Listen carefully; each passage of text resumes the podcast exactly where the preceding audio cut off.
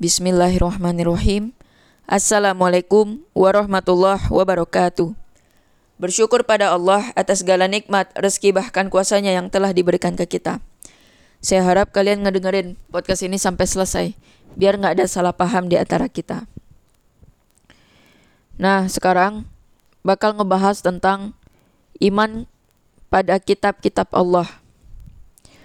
Kita tahu kitab-kitab Allah itu ada empat.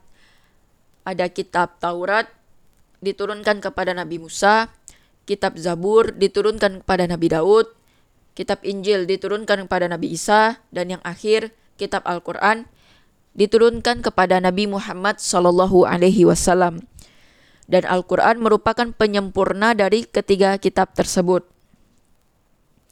Nah, kita juga tahu ketiga kitab ini, kitab Taurat, Zabur, sama Injil, itu pada awalnya berisi mentauhidkan Allah mengesahkan Allah.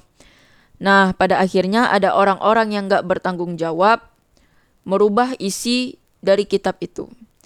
Dan kita tahu juga kalau Al-Quran gak ada satu orang pun atau satu makhluk hidup pun yang bisa merubah isi Al-Quran. Dan juga Al-Quran, ayat-ayat Al-Quran itu, isi-isi Al-Quran bisa mengubah kehidupan kita. Allah akan menjaga Al-Quran sampai hari kiamat nantinya gitu. Dan juga kitab Taurat, Zabur, Injil itu nggak bisa disa disamakan, nggak bisa juga dinamakan disebut sebagai Al-Quran. Demikian pula hadis Qudsi tidak bisa disamakan dengan Al-Quran. Kali ini saya akan memfokuskan pada kitab Al-Quran. Al-Quran itu kalam Allah yang merupakan mukjizat yang diturunkan kepada Nabi Muhammad yang disampaikan secara mutawatir dan membacanya adalah ibadah. Al-Quran adalah kalamullah, firman Allah Ta'ala. Ia bukanlah kata-kata manusia, kata-kata jin, setan, ataupun malaikat. Ia sama sekali bukan berasal dari pikiran makhluk, bukan syair, bukan sihir. Bukan pula produk kontemplasi atau hasil pemikiran filsafat manusia sebagaimana yang telah Allah jelaskan dalam Quran surah An-Najm ayat 3 sampai 4. Dan tiadalah yang diucapkannya itu Al-Quran menurut kemauan hawa nafsunya. Ucapannya itu tiada lain hanyalah wahyu yang diwahyukan kepadanya. Ayat-ayat Al-Quran turun secara berangsur-angsur selama 22 tahun, 2 bulan, 22 hari. Nah, para ulama ngebagi masa turunnya ini menjadi dua periode ada periode Mekah sama Madinah. Periode yang pertama, kita tahu bahwa Nabi Muhammad SAW pada awal turunnya wahyu pertama itu perintah ikro baca belum dilantik menjadi rasul. Dengan wahyu yang pertama itu, beliau baru merupakan seorang nabi yang tidak ditugaskan untuk menyampaikan apa yang diterima Baru setelah turun wahyu kedualah, beliau ditugaskan untuk menyampaikan wahyu-wahyu yang diterimanya. Dengan adanya firman Allah dalam Quran surah Al-Muddathir ayat 1 sampai 2. Wahai yang berselimut, bangkit dan berilah peringatan. Nah, kan Allah merintahin ke Rasulullah itu untuk nyampein untuk nyampein wahyu-wahyu yang diterimanya. Nah, pas Rasulullah nyampein wahyu-wahyu yang diterimanya itu, timbullah macam-macam reaksi dari kalangan masyarakat Arab. Yang pertama, ada segolongan kecil dari mereka menerima dengan baik ajaran-ajaran Al-Quran. Yang kedua, sebagian besar dari masyarakat menolak ajaran Al-Quran karena ke, karena kebodohan mereka, keteguhan mereka mempertahankan adat istiadat dan tradisi nenek moyang atau karena adanya maksud-maksud tertentu dari satu golongan seperti yang digambarkan oleh Abu Sufyan, kalau sekiranya Bani Hashim memperoleh kemuliaan nubuah, kemuliaan apa lagi yang tinggal untuk kami? Terus yang ketiga, dakwah Al-Quran mulai melebar melampaui perbatasan Mekah menuju daerah-daerah sekitarnya. Nah, muncullah periode kedua. Periode kedua dari sejarah turunnya Al-Quran berlangsung selama 8 9 tahun, di mana terjadi pertarungan hebat antara gerakan Islam dan jahiliyah. Gerakan oposisi terhadap Islam menggunakan segala cara dan sistem untuk menghalangi kemajuan dakwah Islamiyah.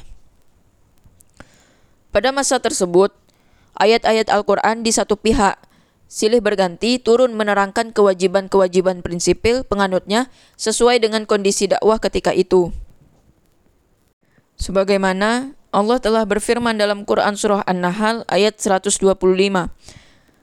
Ajaklah mereka ke jalan Tuhanmu atau agama dengan hikmah dan tutu dan tuntunan yang baik serta bantahlah mereka dengan cara yang sebaik-baiknya. Dan di lain pihak, ayat-ayat kecaman dan ancaman yang pedas terus mengalir kepada kaum musyrik yang berpaling dari kebenaran. Nah, ini terdapat dalam Quran surah Fussilat ayat 13. Allah berfirman yang artinya, Bila mereka berpaling, maka katakanlah wahai Muhammad, Aku pertakuti kamu sekalian dengan siksaan, seperti siksaan yang menimpa kaum Ad dan Samud. Jadi kandungan wahyu ilahi di periode pertama di periode pertama ada pendidikan bagi Rasulullah dalam membentuk kepribadiannya, pengetahuan-pengetahuan dasar mengenai sifat dan af'al Allah, dan keterangan mengenai dasar-dasar akhlak Islamiyah. Kalau yang periode kedua, kewajiban-kewajiban prinsipil penganutnya sesuai dengan kondisi dakwah, ayat-ayat kecaman dan ancaman yang pedas terus mengalir kepada kaum musyrik yang berpaling dari kebenaran, dan yang akhir, argumentasi-argumentasi mengenai keesaan Tuhan dan kepastian hari kiamat. Dilanjut, penulisan Al-Quran dan perkembangannya. Yang pertama itu ada pada masa Nabi Muhammad SAW. Pada masa ketika Nabi Muhammad masih hidup, terdapat beberapa orang yang ditunjuk untuk menuliskan Al-Quran, yakni Zaid bin Thabit, Ali bin Abi Talib, Muawiyah bin Abu Sufyan, dan Ubay bin Ka'ab. Sahabat yang lain juga kerap menuliskan wahyu walau tidak diperintahkan. Media penulisannya itu kayak pelepah kurma, lempengan batu, kulit atau daun kayu, terus pelana, dan ada juga potongan tulang belulang binatang. Di samping itu, ada juga sahabat-sahabat yang langsung menghafalkan ayat-ayat Al-Quran setelah wahyu yang di, setelah wahyu diturunkan. Terus di masa Khulafaur Rashidin. Yang pertama pemerintahan Abu Bakar. Nah, pada masa kekhalifahan Abu Bakar terdapatlah beberapa pertempuran dalam perang yang dikenal dengan nama perang Ridda yang mengakibatkan tewasnya beberapa penghafal Al-Quran dalam jumlah yang signifikan. Terus, Umar bin Khattab kayak khawatir gitu dia. Nah, meminta ke Abu Bakar untuk ngumpulin seluruh tulisan Al-Quran yang saat itu tersebar di antara para sahabat. Nah, Abu Bakar ini langsung memerintahkan Zaid bin Thabit sebagai koordinator pelaksanaan tugas tersebut. Nah, pada masa ini disebut masa pengumpulan Al-Quran dan belum ditulis dalam sebuah mashaf atau mushaf. Yang kedua, pemerintahan Utsman bin Affan. Nah, jadi pas masa Utsman ini terdapat keragaman dalam cara pembacaan Al-Qur'an atau kiroat yang disebabkan oleh adanya perbedaan dialek atau lahjah antar suku yang berasal dari daerah berbeda-beda. Terus Utsman maaf, terus Utsman ini khawatir lah ya. Nah, terus ngambil kebijakan untuk ngebuat sebuah mushaf standar atau menyalin mushaf yang dipegang sama Hafsah yang ditulis dengan sebuah jenis penulisan yang baku. Standar tersebut yang kemudian dikenal dengan istilah cara penulisan rasam Uthmani yang digunakan hingga saat ini. Bersamaan dengan standarisasi ini, seluruh mushaf yang berbeda dengan standar yang dihasilkan diperintahkan untuk dimusnahkan. Jadi kalau ada yang beda gitu, tuh dibakar, dimusnahin. Dengan proses ini, Utsman berhasil mencegah bahaya laten terjadinya perselisihan di antara umat Islam pada masa depan dalam penulisan dan pembacaan Al-Quran. Dalam Al-Quran sendiri terdapat beberapa ayat yang menyertakan nama lain yang digunakan untuk merujuk kepada Al-Quran itu sendiri. Oh ya, ini udah masuk ke nama-nama Al-Quran.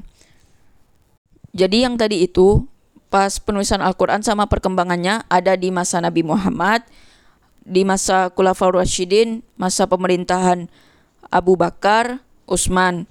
Dan sekarang nama-nama Al-Quran.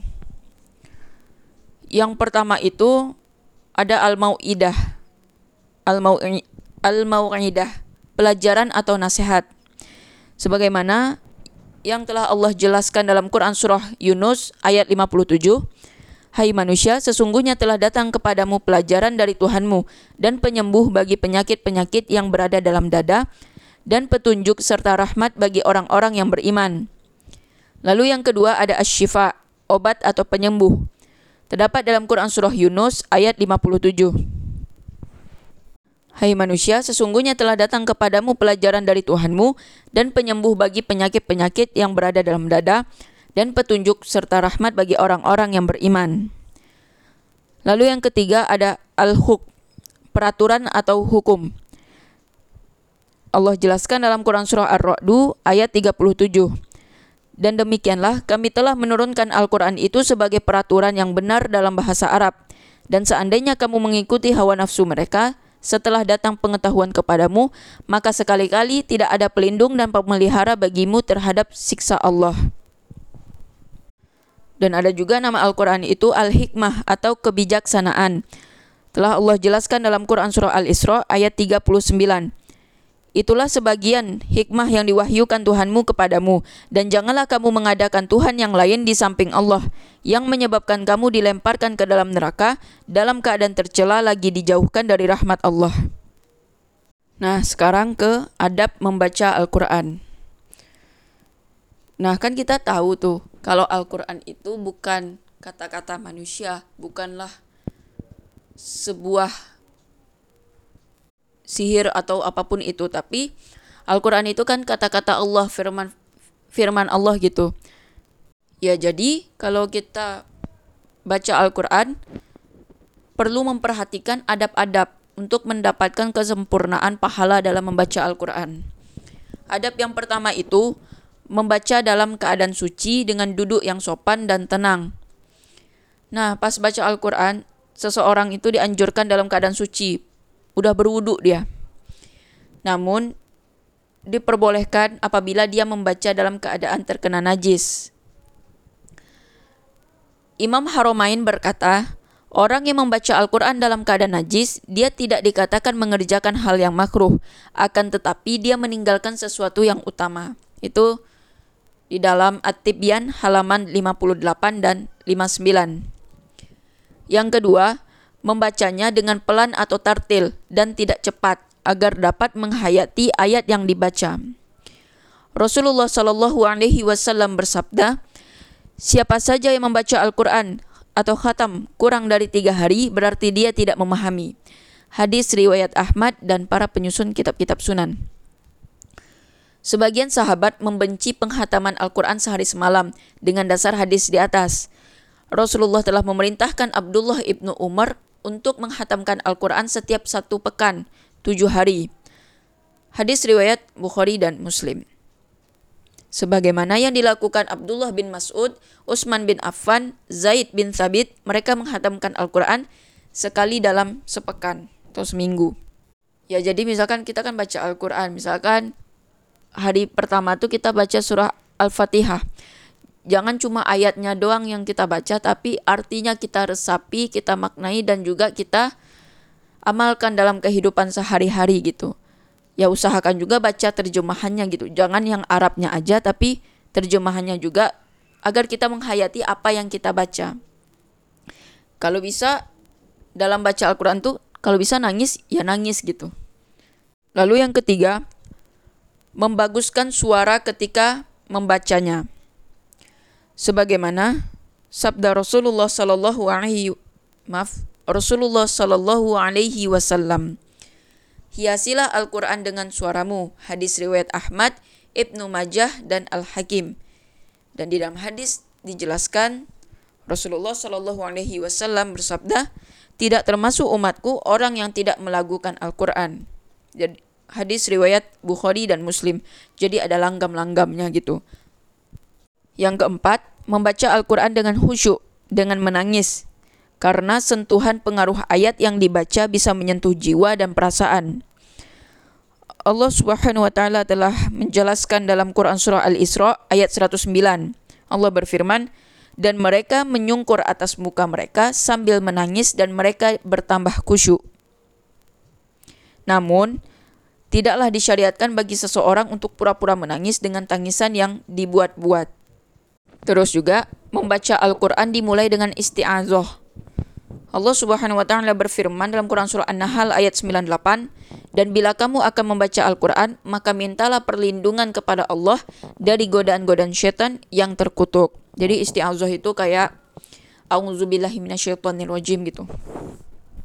Apa sih tujuan diturunin Al-Qur'an? Yang pertama itu untuk petunjuk akidah akan keesaan Allah. Yang kedua, petunjuk akhlak yang murni. Dan yang ketiga, petunjuk syariat dan hukum. Nah, kita udah tahu tuh tentang Al-Quran. Terus tujuannya udah tahu juga. Nama-nama Al-Quran juga udah tahu. Adab-adabnya juga. Nah, sekarang kita ke hikmah membaca Al-Quran. Yang pertama itu menghilangkan dosa. Orang yang sering baca Al-Quran dan berusaha untuk ngamalinnya Berarti dirinya udah berupaya untuk menghapus segala kesalahan dan dosa yang dia lakukan.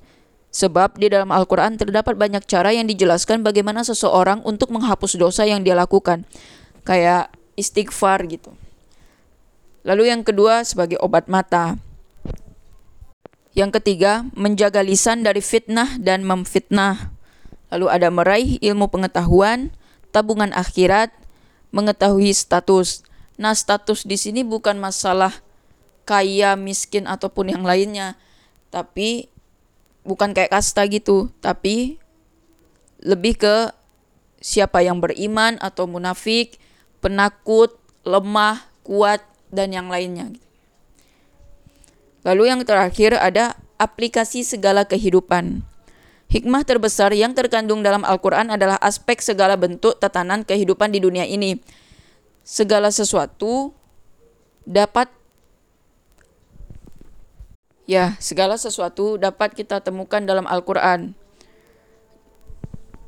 Ya, jadi di dalam Al-Qur'an tuh semuanya ada gitu. Apa pun masalah kita, solusinya ada di Al-Qur'an. Nah, yang jadi permasalahannya apa kita mampu memahami makna yang terkandung dalam Al-Qur'an. Makna dari isi ayat-ayatnya itu. Nah, maka dari itulah kita wajib mempelajari Al-Quran. Untuk mempelajari Al-Quran ini jangan sendiri gitu. Tapi usahakan ada guru ngaji, ada guru, ada pendamping kita dalam belajar Al-Quran itu agar kita tidak berspekulasi yang enggak-enggak gitu. Jadi jelas. Nah, paling segitu dulu aja tentang iman pada kitab-kitab Allah. Maaf kalau ada kesalahan dalam penyampaian dan juga kelebihan dalam penyampaian sesungguhnya kelebihan datang dari Allah Subhanahu wa taala, kekurangan datang dari diri saya sendiri. Assalamualaikum warahmatullahi wabarakatuh.